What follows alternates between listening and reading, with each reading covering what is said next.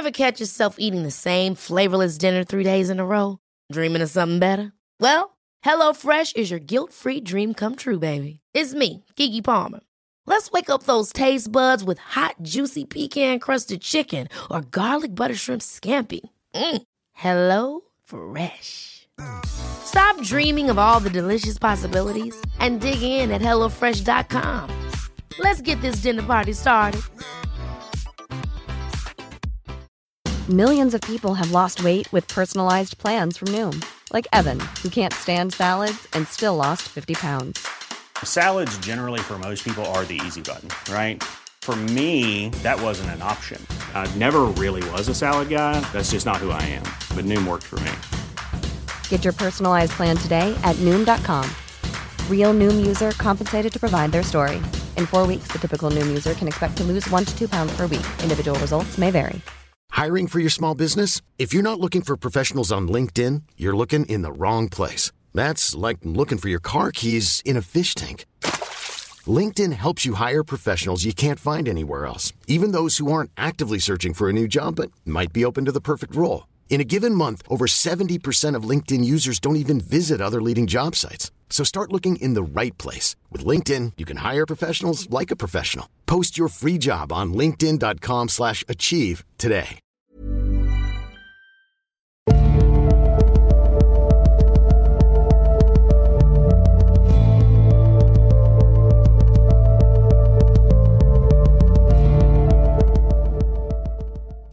Hei og velkommen til Tåkeprat. Jeg heter Even, og når jeg tar opp denne episode 83, så er det lørdag den 10. november 2018. Da er vi i gang med den tredje delen av serien om livet og virket til Gerald Gardner. Og det er nå vi skal se litt nærmere på den hendelsen som var av størst betydning i livet til Gerald, nemlig hans innvielse i heksekulten. Som jeg sa i forrige episode, så er dette en svært kontroversiell og mye omdiskutert hendelse. Men i denne episoden så forsøker jeg å nøste opp i hva som faktisk skjedde med Gerald den natten i 1939. Og jeg må si at arbeidet med denne episoden har vært svært spennende også for meg, og at jeg har snublet over noen spennende elementer som gir denne historien et ekstra skjær av mystikk og snakker om mystikk. Med en ny server og en ny statistikk, så la jeg plutselig merke til en underlig ting. En episode så ut til å være fryktelig populær, nemlig del to av Tandava-serien. Dette er episoden hvor jeg gjør rede for Savitri Devis teologi og linken mellom mytene om arierne, hinduisme, yugaene, Vishnus avatar Kalki og Adolf Hitler. Jeg stusset litt over at en episode midt i en serie var så mye spilt. Først så ble jeg litt bekymret for at jeg hadde vært med å starte en ny bølge av hinduistisk hitlerisme her til lands. Men det skulle vise seg at det var noe galt med den episoden, og at den kuttet etter 16 minutter. Denne feilen er nå rettet, og jeg vil rette en takk til deg som gjorde meg oppmerksom på dette. Du vet selv hvem du er. Så om noen skulle oppdage noen flere brudd i episoder eller lignende feil på den nye strømmen, så send meg gjerne en melding, så jeg kan få fikset det. Men så langt jeg vet, så fungerer alle de andre slik som de skal. Uansett, historien om Gerald Garner ser ut til å følge det mønsteret jeg hadde regnet med at den ville. Og etter denne episoden så skifter historien litt gir når Gerald har blitt initiert i heksekulten. Og som jeg sa i første episode, så blir det et 14 dagers brekk før den neste delen i denne serien. Da jeg trenger litt tid til å nøste opp i den siste delen av livet hans, og ikke minst framveksten til hva som senere skulle utvikle seg til å bli Vikka. Jeg tror også at den rytmen på episoder, vil si tre søndager med tåkeprat og én uten, er den jeg kommer til å legge meg på en stund framover. Det ser ut til å være det som fungerer best med arbeidsprosessen for å få arbeidet med podkasten til å passe inn i hverdagen. Selv om jeg gjerne skulle produsert flere episoder. Men døgnet har bare 24 timer, også podkastere må jobbe for å få endene til å møtes, og ikke minst lufte seg litt innimellom for ikke å støve helt vekk i podkaststudio. Og da tror jeg vi bare hopper rett tilbake i historien. Når vi sist forlot Gerald, så hadde han altså skrevet Gudinnens ankomst, en bok som forteller mye om hans tankegods i perioden fram mot hendelsene vi skal se nærmere på nå.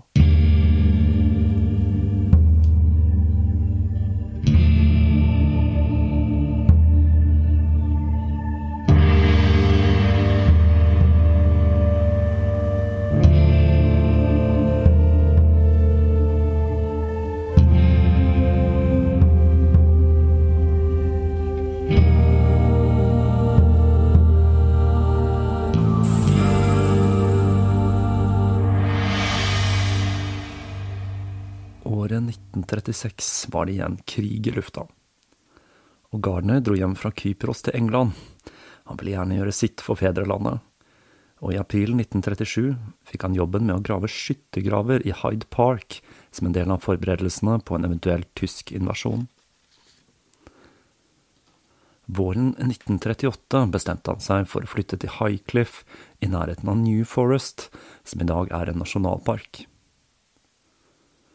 Garner forteller at han valgte å flytte dit da han hadde noen venner der. Og David og Com de bodde i Bournemouth, ikke så langt fra New Forest. Men det er mulig at han også refererte til en annen person, nemlig Edith Woodford Grimes. Dette er langt fra sikkert, men det kan tenkes at han møtte denne damen vi skal stifte et nærmere bekjentskap med i denne episoden, ved naturistklubben Four Acres. Den åpenbare årsaken til å flytte fra London var trusselen fra Tyskland. Men det verserer også en litt mer spennende historie om hvorfor han valgte å flytte. Nemlig at huset han var bosatt i i London, var hjemsøkt. Og til tross for at Gerald aksepterte ting som dører som åpnet og lukket seg selv, og lys som skrudde seg selv av og på, så ble Donna litt nervøs av disse fenomenene. Han flyttet til Highcliff og New Forest i juni 1938. Det første han gjorde, var å melde seg inn i den lokale naturistklubben, The New Forest Club, som han brukte som en base mens han syklet rundt og så seg om etter en ny bolig. På en av disse sykkelturene så kom han over et merkelig bygg i Christchurch. På en av steinene sto følgende skrevet. Denne grunnsteinen ble lagt av Alexander Matthews den 13. mars 1938 for å minnes det første Rosenkorsteatret i England, Pax Vobiscum. Gerald kjente til Rosenkorsordenen, og denne esoteriske bevegelsen har på samme måte som teosofien, og for så vidt Gerald Gardner, en tendens til å dukke opp her i tåkeprat. Det er vel et av disse emnene jeg må ta tak i før eller siden. Kjempekort fortalt så er dette en esoterisk orden som skulle ha blitt grunnlagt av den mystiske Christian Rosenkreutz. I England etablerte Robert Wentworth Little Societeas Rosicruciania in Angelica i 1865, som skulle ha vært inspirert av den originale ordenen, og ymse varianter av Rosenkorsordenen dukket opp annet i Paris i den okkulte renessansen på 1880- og 90-tallet. Dette pirret selvsagt Geralds nysgjerrighet. Han bestemte seg for å oppsøke dette mystiske teatret senere, men først måtte han finne seg en bolig.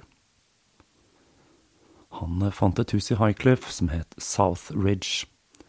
Dette huset lå forholdsvis skjermet, og det hadde en stor hage med flere store trær. Etter å ha kjøpt dette huset, så leide han inn håndverkere som gjorde en rekke endringer. Han fikk blant annet laget en egen vinterhage, som var tiltenkt som et innendørsområde der han kunne leve ut sin naturisme om krigen ville gjøre det vanskelig å dra utenlands vinterstid. En historie som nok ikke er sann og er en vandrehistorie, er så gøyal at jeg allikevel velger å ta den med her. Historien går sånn at en nabokone av Gerald ringte politiet og ba de komme. Da politimannen kom, så sa hun, jeg har noen forferdelige nyheter, det bor en ikke så spesielt lekker mann ved siden av her. Kom, skal jeg vise deg.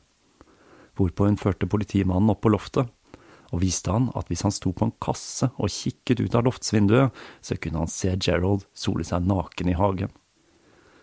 Politimannen skulle ha svart. Om du må gå gjennom så mye bryderi for å se det, så bør du ikke bry deg. Han gjorde enda flere modifikasjoner på huset. Han fikk bygget et undergrunns bomberom, og kronen på verket, det var mørkerommet han bygget på loftet. Det dette mest sannsynlig var til, var å framkalle bilder fra naturistklubben. Han var også veldig glad i å ta nakenbilder av unge damer, gjerne med våpen. Og Kenneth Grant, magikeren vi stiftet bekjentskap med i historien om Alistair Crowley, kunne fortelle at Gerald en gang hadde vist han et fotografi av Donna naken med en gong. Tidlig i 1939 ble han også medlem av The Folklore Society, en gruppe han skulle være assosiert med de neste 20 årene. Men Gerald hadde ikke glemt det merkelige teateret han hadde kommet over, og han syklet hit og kjøpte billetter til en oppsetning av stykket Pythagoras, som var skrevet av Alex Matthews, grunnleggeren av teatret. I dette skuespillet, som ifølge Gerald og Donna var ganske amatørmessig, så spilte Edith Woodford Grimes en av hovedrollene. Og til tross for at skuespillet ikke imponerte, så ble Gerald fascinert av menneskene ved teatret, og han begynte å delta i møtene de arrangerte i Ashrama Hall, som lå like bak teaterbygningen. Han fant ut at de tilhørte en organisasjon som kalte seg The Rosicrucian Order Crotona Fellowship, og som jeg kommer til å referere til som Crotona-fellesskapet i denne fortellingen. De hadde sin opprinnelse i Liverpool, hvor lederen George Alexander Sullivan ble født. Denne Sullivan var han som kalte seg for Alex Matthews. Læren de forfektet så ut til å være en blanding av tradisjoner fra Rosenkorsordenen, frimureri og teosofi med en liten dæsj av Sullivans egen lære, som gjerne kom fra automatskrift når han kanaliserte Parcelesus, en sveitsisk lege og okkultist fra renessansen som enkelte hevdet hadde tilhørt Rosenkorsordenen. Denne gruppen hadde etablert seg i Christchurch i 1935, og de drev studiegrupper, religiøse ritualer og drama. Dette høres jo ikke så fryktelig ulikt ut som Gurdjieff sine grupper, bare uten sjokk og flytende kapital. Denne gruppen hadde en del spreke ideer. De hevdet blant annet at Sullivan var udødelig, og at han forsvant med jevne mellomrom for å ikle seg en ny identitet. På veggen i Ashrama Hall hang en tavle med alle de ulike personene han hadde vært opp gjennom tidene. I tillegg fikk eh, Gerald etter hvert vite at lampen som hang i taket der, egentlig var Den hellige gral. Så litt eksentriske, det var de, men han fortsatte å gå på disse møtene og han la etter hvert merke til at det var en liten gruppe av deltakere som skilte seg ut fra de andre. Det virket som om de var i besittelse av en dypere forståelse og kunnskap om det okkulte enn hva de gjengse medlemmet av ordenen hadde. En av disse var Edith, og hun og Gerald fikk raskt en god tone. Hun var svært kunnskapsrik, og de to hadde mange gode og lange samtaler sammen og det gikk ikke lang tid før hun inviterte han hjem til seg og fortalte han hvordan hun hadde havnet med denne gruppen i Christchurch. Hun ble født i 1887 i Malton i Yorkshire, og hadde giftet seg i 1920 med Samuel William Woodford Grimes. Deres eneste barn, en datter, Rosanne, ble født i juni 1921. Edith hadde utviklet en interesse for det esoteriske og okkulte, og når hun hadde kommet i kontakt med Mason-familien, så hadde livet hennes snudd seg på hodet. Når Edith fortalte dette til Gerald, ble han klar over at han allerede hadde møtt tre fra denne familien. De var alle medlemmer av Crotona-fellesskapet. Det skulle vise seg at denne familien hadde en bred interesse for esoteriske tradisjoner, og de var med i flere bevegelser, som antroposofene, teosofene, Rosenkorsordenen og ikke minst Co-Masonry, eller sammureri, som jeg velger å kalle denne gruppen i denne serien. Og det var den sistnevnte bevegelsen som sto sterkest hos Mason-familien når Edith kom i kontakt med det. Denne bevegelsen ble startet i Frankrike i 1882, og inneholdt alle de 33 gradene til den gamle og anerkjente skotske ritus men det som skilte sammureri fra vanlig frimureri, var at de aksepterte kvinner i rekkene sine. Den første britiske losjen ble etablert med sosialisten og teosofen Anne Besant i spissen, den 26. september 1902. Mason-familien etablerte etter hvert sin egen losj i Southampton, og i 1935 sto Beechwood Hall, det nye tempelet til losjen, ferdig. Men allerede i juli det året så brøt Mabel Besant Scott, Annies datter, som var the most pussant grand commander of the British Federation, med samureriet. Sammen med Mason-familien og Edith. Dette skyldtes en strid med det franske hovedsetet i gruppen. På grunn av en sterk ateistisk bølge i landet, så hadde den franske losjen gått bort ifra prinsippet om troen på en høyere makt, og de tillot etter hvert at ateister og lignende ble medlemmer av losjen. I tillegg så beskyldte den britiske føderasjonen, med Mabel i spissen, franskmennene for å røpe frimureriets hemmeligheter og blande seg i politikk. Dette førte til at den britiske føderasjonen strippet Mabel for tittelen, og med det fulgte de mest aktive medlemmene, som Mason-familien og Edith, etter. Og Mabel hadde fulgt med Crotona-fellesskapet når de etablerte seg i Christchurch.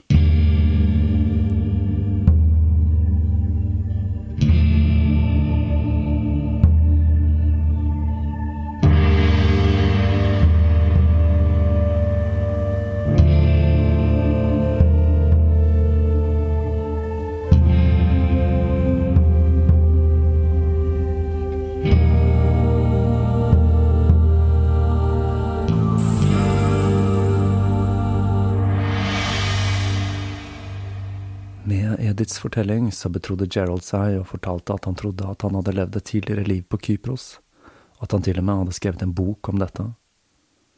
Edith fortalte at hun også kunne huske et tidligere liv, der hun hadde vært en heks som hadde blitt brent.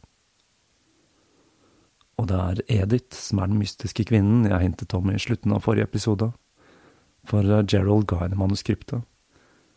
Etter å ha lest igjennom, så fortalte hun Gerald at manuskriptet krevde langt mer enn kun korrektur. Det måtte skrives om. Men om han var villig til å la henne hjelpe, så kunne hun gjøre det for ham, for hun likte boka godt. Hva Edith mente om at Gerald hadde brukt elementer som menneske- og dyreofringer i ritualene i fortellingen sin, eller hvilke endringer som ble ført av hennes hånd, vites ikke. For kvinnen som satt framfor ham, tilhørte en gruppe som for all tid skulle endre livet til Gerald Gardner. Og nå skal vi kaste oss ut i Geralds initiering. Problemet vi står overfor, er selvsagt at den eneste kilden vi har til det som skjedde, er Gardner selv. Dette har ført til at flere har hevdet at hans initiering i heksekulten kun var et påfunn fra Gardner for å kunne lage sin egen religion. Og nå kommer jeg til å bruke min egen magefølelse, og ikke minst Hesseltons gravearbeide og resonnement, for å analysere hva som skjedde. Jeg tror nemlig ikke at dette dreier seg om en fabrikasjon fra Gardner, men jeg er nok noe skeptisk til at dette var møtet med Murrays dianiske kult, slik Gardner nok selv trodde der og da. Han hadde altså møtt denne gruppen i Christchurch, hvor en del av medlemmene så ut til å drive med noe annet enn disse møtene i Ashrama Hall. Han var blitt god venn med Edith, og de to hadde hatt mange samtaler om ymse esoteriske og kulte emner. Det hele utspant seg slik. Gerald var blitt mer og mer oppmerksom på at gruppen Edith omga seg med, så ut til å besitte en ekstra dimensjon de andre i Krotona-fellesskapet manglet. Og en dag fortalte Edith at han skulle få ta del i hemmeligheten. Gerald var svært spent på hva dette kunne dreie seg om. Han spekulerte i om det kanskje kunne dreie seg om yoga, noe som var kjempeeksotisk på den tiden. Et par dager etter krigen brøt ut, det vil si i begynnelsen av september 1939, ble han ført til et stort hus i nabolaget som tilhørte gamle Dorothy. Denne gamle Dorothy er en svært spennende skikkelse, som vi straks skal ta nærmere kikk på.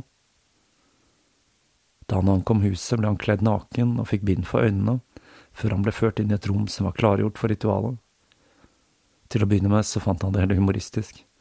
Han var tross alt godt vant til å være naken, og han var heller ikke ukjent med ritualer. Men halvveis ut i ritet hørte han et ord som traff ham som et lyn, vika.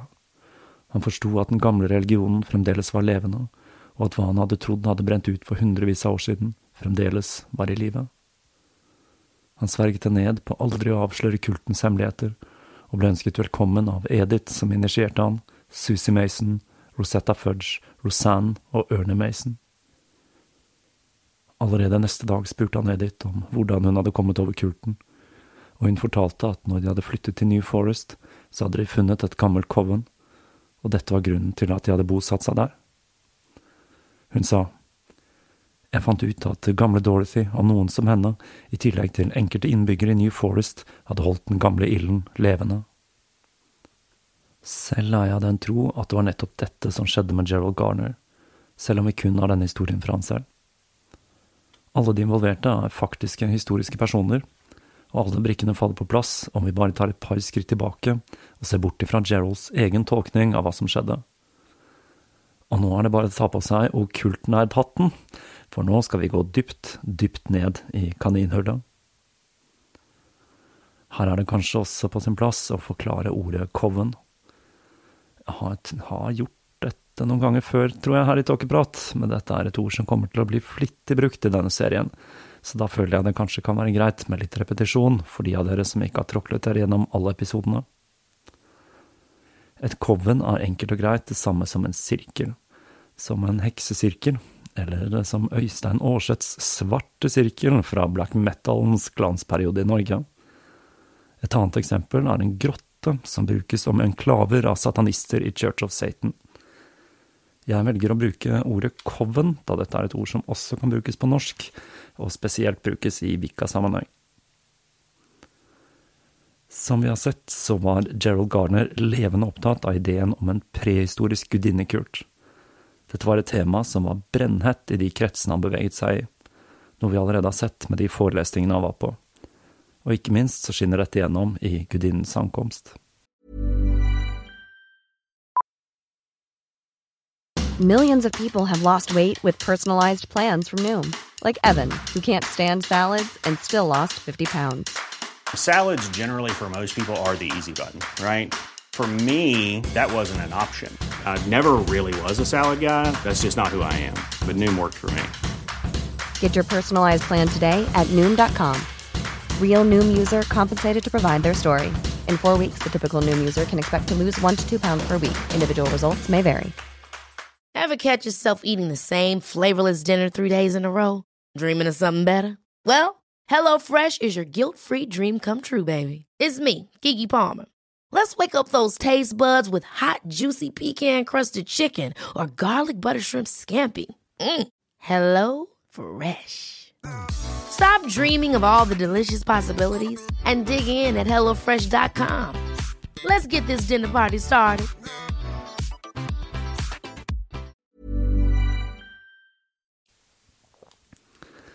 I tillegg så hadde han mistanker om at hans bestefar hadde vært en heks, og han hadde til og med vist fram en samling med gjenstander på, første, på det første folkloretreffet, som skulle ha gått i arv fra denne bestefaren, og som skulle ha tilhørt den beryktede heksefangeren Matthew Hopkins. Topp dette med Margaret Murray og hennes voldsomt populære bok Den vesteuropeiske heksekulten, en bok som i stor grad har blitt dementert i dag, men som fremdeles er en svært spennende bok, som tegner et bilde av den dianiske kulten, og hvordan det var tilhengere av denne gudinnekulten som ble ofre for hekseprosessene i Europa. For mer om den boka, så er det bare å sjekke ut episode 27 og 28 av Tåkeprat, hvor jeg tar for meg nettopp denne boka. Det er ikke så rart at Gerald trodde han hadde blitt initiert i nettopp denne kulten. Men som sagt, jeg tror ikke det var helt det som skjedde. Men la oss først se litt på de menneskene som utgjorde dette gamle covenet i New Forest som Edith snakket om. Denne Dorothy var nemlig en svært spennende person. Hun var mest sannsynlig lesbisk, noe det hintes til i dagbøkene hennes, og en mistanke som blir forsterket av at hun også bodde med en kvinne, Elisabeth Slatter, som gikk under kallenavnet John. Dorothy hadde også et svært, svært nært forhold til naturen. Dagbøkene hun skrev i små vers, har overlevd, og i disse blir de kristne høytidene beskrevet med hva vi i dag ville kalle paganistiske guddommer, som mystiske feminine gudinner, naturånder og feer. Om midtsommer så skriver hun Of all the days of the wonderful year, this is the day of all days most dear. Med andre ord, Dorothy var hva som tidligere ville ha blitt omtalt som en heks. Den andre av disse tre var mest sannsynlig Rosamund Isabella Charlotte Cornshew, som i 1905 søkte medlemskap i Rosea Rubea et Aurea Crucis, eller Den røde rose og Gullkorset. En organisasjon som sprang ut av en esoterisk orden vi har vært borti mang en gang her i Tåkeprat, nemlig Golden Dawn. Om hun ble medlem, er ikke visst, men hun skulle senere publisere en artikkel om Golden Dawn som tyder på at hun var initiert i en gren av ordenen. Og der de aller fleste i disse brorskapene valgte Moto som sitt magiske navn, noe vi husker fra serien om Crowley, så var navnet Rosamund brukte på søknaden Vakuna, som var en sabinsk gudinne som er forbundet med blant annet nettopp Murrays Diana og Gerald Garner refererer til en mor Sabine i sin brevkorrespondanse. Og en annen dame som kommer til å gjøre sin entré i denne serien, om ikke så altfor lenge, nemlig Doreen Valiente, hadde gjort et notat i sin personlige utgave av Gerald Garner Hex, og bak setningen 'Flere innbyggere i New Forest' så hadde hun skrevet en stjerne og notert 'Mor Sabine'. Og her kommer en liten gåte for Rosamund flyttet til et hus i nærheten av New Forest i 1923 eller 24, og dette huset ble døpt Vinchat. Hva skjer om man tar vekk bokstav nummer to, fire, seks og åtte i Vinchat? Da sitter man igjen med ordet Vika. Det er jo reneste da Vinci-koden, dette er. Men husk på at disse esoteriske bevegelsene, som Golden Dawn eller frimureriet for den saks skyld, er veldig opptatt av denne typen lek med ord og tall. Tenk eksempel på Crowleys skjulte grisebeskjeder i tilsynelatende religiøse dikt. Den heiteste kandidaten til den siste av de tre er Catherine Oldmeadow, som var en nær venn av gamle Dorothy. Hun var en forfatter med en dyp respekt for naturen. Hun trodde også på naturånder og feer, og bøkene hennes er krydret med paganistiske guder og gudinner. Og i 1925 så endret heksene i bøkene hennes seg fra å være slemme til å bli hvite hekser. Så noe skjedde på det tidspunktet. Selvsagt så ble Murrays bok utgitt i 1921, men det kan jo tenkes at det også skjedde noe annet som fikk henne til å endre synet på hekser og heksekunst i denne perioden. I tillegg så var damen urtekyndig, og hun hadde gitt ut en bok om urter i folklore. I 1939 så var dette en gjeng med eldre damer. Dorothy var 59, Catherine 61 og Rosamund 74. De hadde mest sannsynlig vært gode venner siden midten av 20-tallet, og kombinasjonen av en dyp respekt for naturen, okkultisme og kjennskap til urter, med utgivelsen av Murrays vesteuropeiske heksekult, som tegnet et bilde av hekser som noe annet enn den onde gamle kona fra eventyrene, nemlig som rester etter en gammel europeisk paganistisk kult, var nok med på å forme synet disse tre damene hadde på seg selv, og gjorde at de så på seg selv i et større historisk perspektiv som bevarere av den gamle religionen. Hvis vi skal trekke den okkulte konspirasjonsteorien ekstra langt, så har det til og med blitt spekulert i om Murray selv tilhørte denne heksekulten, for hvem ville vel være bedre egnet til å skrive om denne boka enn en person som faktisk selv var innviet? Men uh, nå skal vi ikke ta helt av her. Men jeg syns det var en teori som er verdt å nevne. Uansett, livssynet til Dorothy og Catherine, med sin eh, tro på naturånder, feer, guder og gudinner, kan jo i aller høyeste grad sies å være en rest av førkristne tradisjoner. Men disse damene var neppe i et coven, slik som vi tenker på det i dag. Så hva sitter vi igjen med når det gjelder Gardners initiering? Edith og gruppen hennes hadde støtt på disse tre damene i New Forest.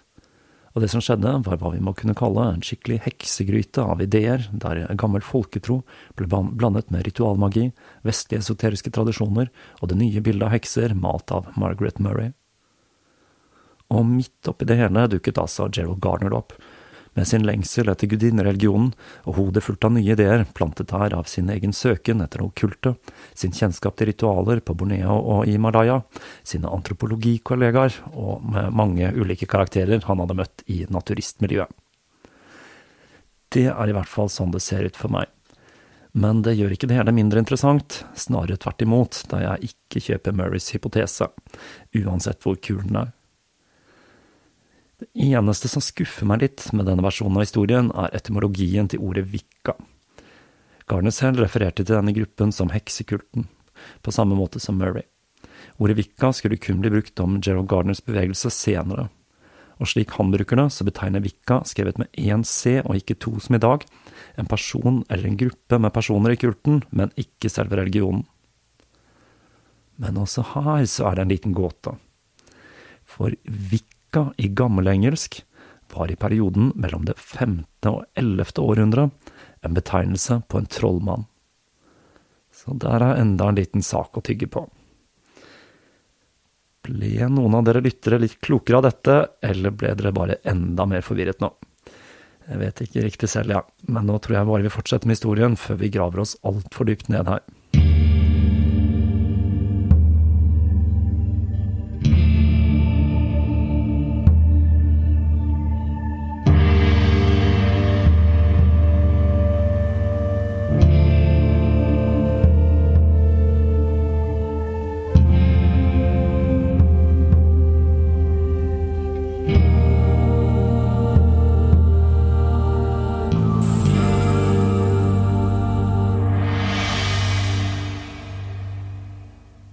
Etter så brøt Gerald med Crotona-fellesskapet, da han syntes gruppen til Edith var langt mer interessant. Riktignok etter å ha spilt Munch i en av teaterforestillingene deres. Helt fra han hadde flyttet til Highcliff og New Forest i 1938, så hadde Gerald meldt seg frivillig til ARP, eller Air Raid Precautions. Dette var en gruppe som skulle sørge for at alle ekstra sikkerhetstiltak mot luftangrep ble ivaretatt, slik som mørklegging og en del andre oppgaver som utdeling av gassmasker. Men da myndighetene i mai 1940 spurte etter frivillige blant menn som var tjenestedyktige, som kunne danne lokale heimevernsgrupper, eller LDV, Local Defense Volunteers, så følte Gerald seg virkelig kallet, for dette var noe han hadde vært borti før. Men når han søkte om å få delta i en av disse gruppene, så fikk han avslag mest sannsynlig for han allerede hadde en viktig rolle som et medlem av ARP. Men Gerald han reagerte med å bevæpne sine kollegaer i ARP med våpen fra samlingen sin. Flere av dem med middelaldervåpen, og selv så hadde han en luger med forlenget magasin. Militæret ble ikke akkurat fornøyd med å ha noe som lignet på en bevæpnet borgerverngruppe rekende rundt i Highcliff. Og med det så protesterte Garner med å skrive et lesebrev til Daily Telegraph om engelskmannens rett til å forsvare seg og sitt med våpen. Dette startet en liten bølge av lesebrev som støttet Gardner, og brevet ble til og med plukket opp av tysk presse, som raste mot Geralds oppfordring til å bevæpne sivilbefolkningen.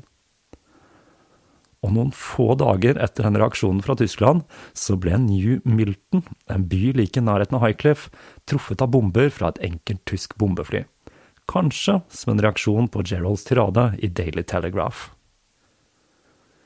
men Gerald skulle til slutt klare å bli medlem av LDV, takket være en major Fredrik Maricott Fish, som i likhet med Gerald var imot byråkrati. Han hadde et smutthull, slik at han kunne ansette han uten å godkjenne dette med sine overordnede. Gerald bevæpnet den dårlig utstyrte gruppen med våpen fra samlingen sin, og han lagde til og med Molotov-cocktails.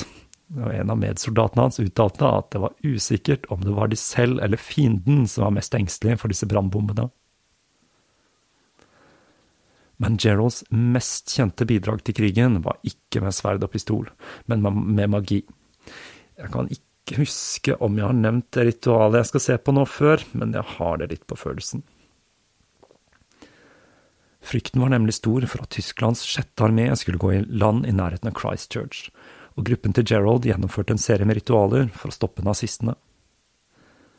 Det er lett å tenke seg hvordan denne gruppen, som hovedsakelig besto av godt voksne og kvinner som ikke kunne delta i stridighetene, hadde lyst til å gjøre sitt for å forsvare hjemlandet med det de hadde å bidra med. Gerald forteller også om hvordan noen hadde hørt historier fra slektninger om hvordan man hadde benyttet seg av nettopp magi for å forhindre Napoleon fra å invadere ved å mane fram ulykke og dårlig vær for flåten hans. Covenant samlet så mange de kunne på en øde plass i skogen utenfor Highcliff en gang rundt 1. august 1940. Hele 17 menn og kvinner var samlet til dette ritet, som ble utført med så lite lys som mulig av mørkleggingsordren. Målet var å stoppe Hitler, og etter hvert som ritet skred frem mens 17 mennesker holdt hender i en lang rekke og messet i takt mot en svak lyskilde plassert i sirkelen, økte stemmene i styrke og gikk over i taktfaste skrik. Du kan ikke krysse havet, du kan ikke krysse havet, du kan ikke komme, du kan ikke komme. Ordene ble fraktet høyt over tretoppen av nattevinden og utover det urolige, mørke havet. Gerald uttalte senere. Jeg sier ikke at vi stoppet Hitler. Alt jeg sier er at jeg så en veldig spennende seremoni som var ment å putte en spesiell idé i hodet hans, og denne ble repetert flere ganger senere. Og selv om invasjonsflåten var klar, så er det et faktum at Hitler aldri forsøkte å komme. Forholdet mellom Gerald og Edith utviklet seg, og selv om vi ikke vet det med sikkerhet, så ble nok dette etter hvert også et seksuelt forhold. Det var i hvert fall så nært at Gerald ga bort hennes datters hånd i bryllupet hennes. Det som faktisk er litt søtt her, er at Gerald refererte til Edith som ei jente, selv om Edith var over 50 år gammel og kun tre år yngre enn Gerald selv. Donna visste nok om dette forholdet, men hun brydde seg tilsynelatende ikke nevnverdig, og hun var heller ikke selv interessert i heksekulten. Donna var vel hva vi kan kalle fryktelig tolerant. Hun skal senere ha stått bak dette sitatet, som sier en hel del. Jeg bryr meg ikke om hvor mange unge kvinner Gerald får til å piske seg, bare så lenge jeg ikke trenger å ha noe med det å gjøre. Pisken det refereres til her, er et av de magiske våpnene i Gardners system. Gerald ble mer og mer involvert i denne gruppen, og lærte fra ritualene og det magiske systemet deres, i tillegg til å tilegne seg kunnskap om urter og gammel folketradisjon.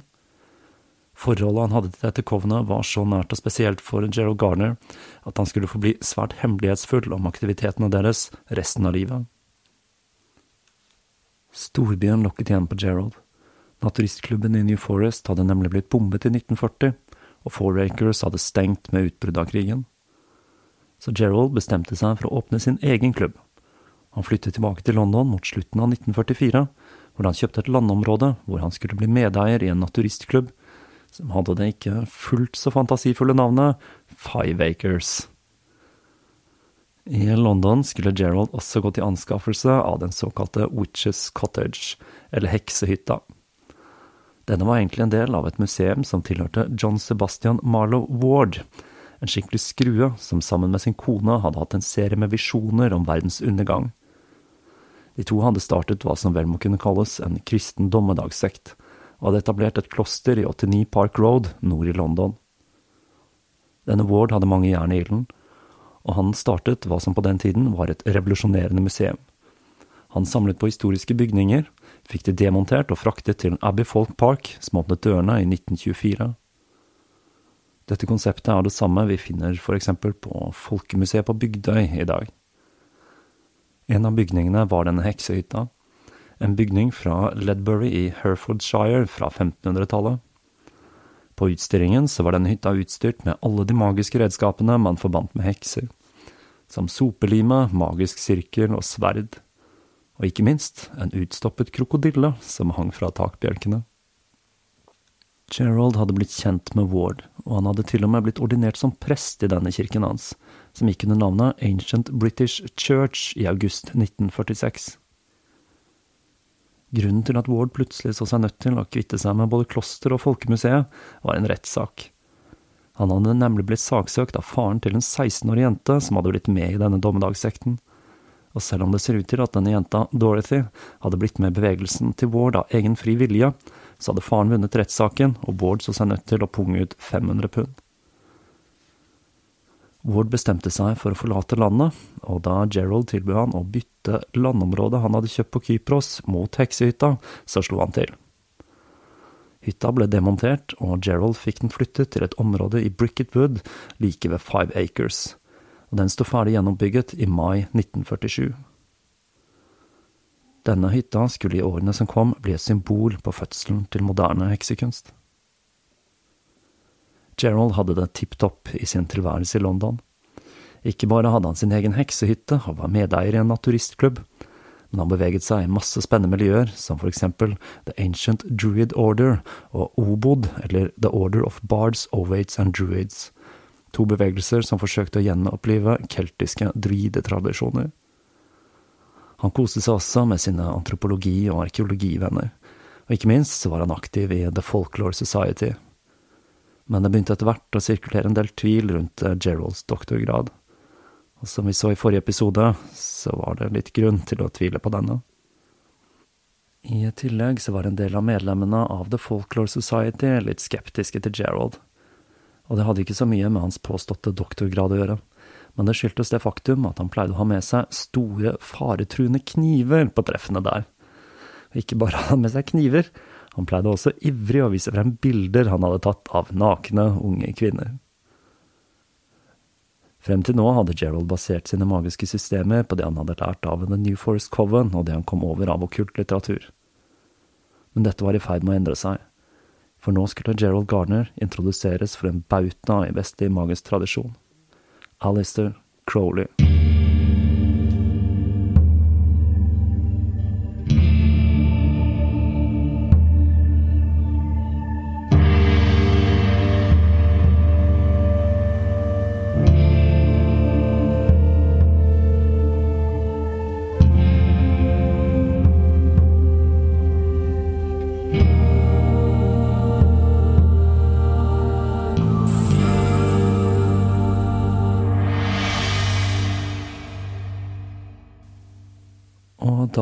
Forlater vi Gerald Garner med hans naturistklubb og heksehytte.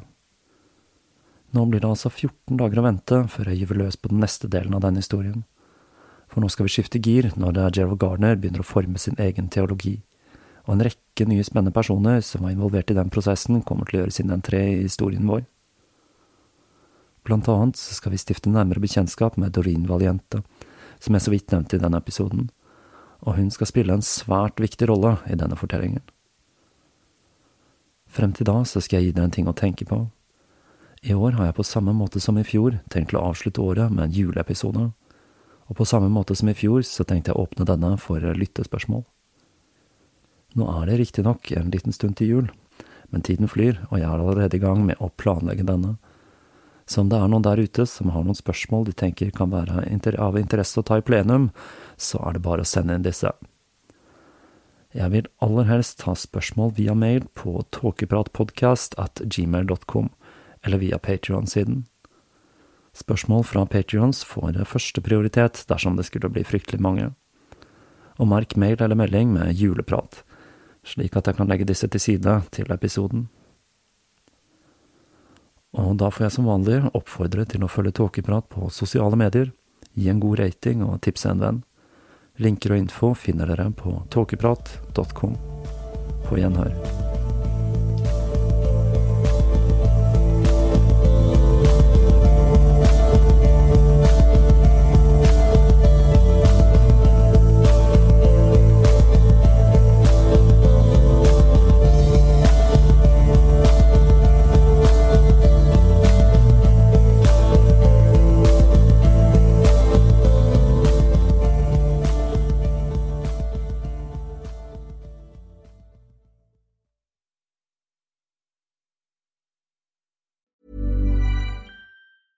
Ever catch yourself eating the same flavorless dinner three days in a row?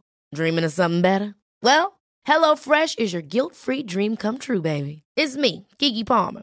Let's wake up those taste buds with hot, juicy pecan crusted chicken or garlic butter shrimp scampi. Mm. Hello Fresh. Stop dreaming of all the delicious possibilities and dig in at HelloFresh.com. Let's get this dinner party started. Need new glasses or want a fresh new style? Warby Parker has you covered. Glasses start at just 95 bucks, including anti-reflective, scratch-resistant prescription lenses that block 100% of UV rays. Every frame's designed in-house with a huge selection of styles for every face shape. And with Warby Parker's free home try-on program, you can order five pairs to try at home for free. Shipping is free both ways too. Go to warbyparker.com/covered to try five pairs of frames at home for free. warbyparker.com slash covered.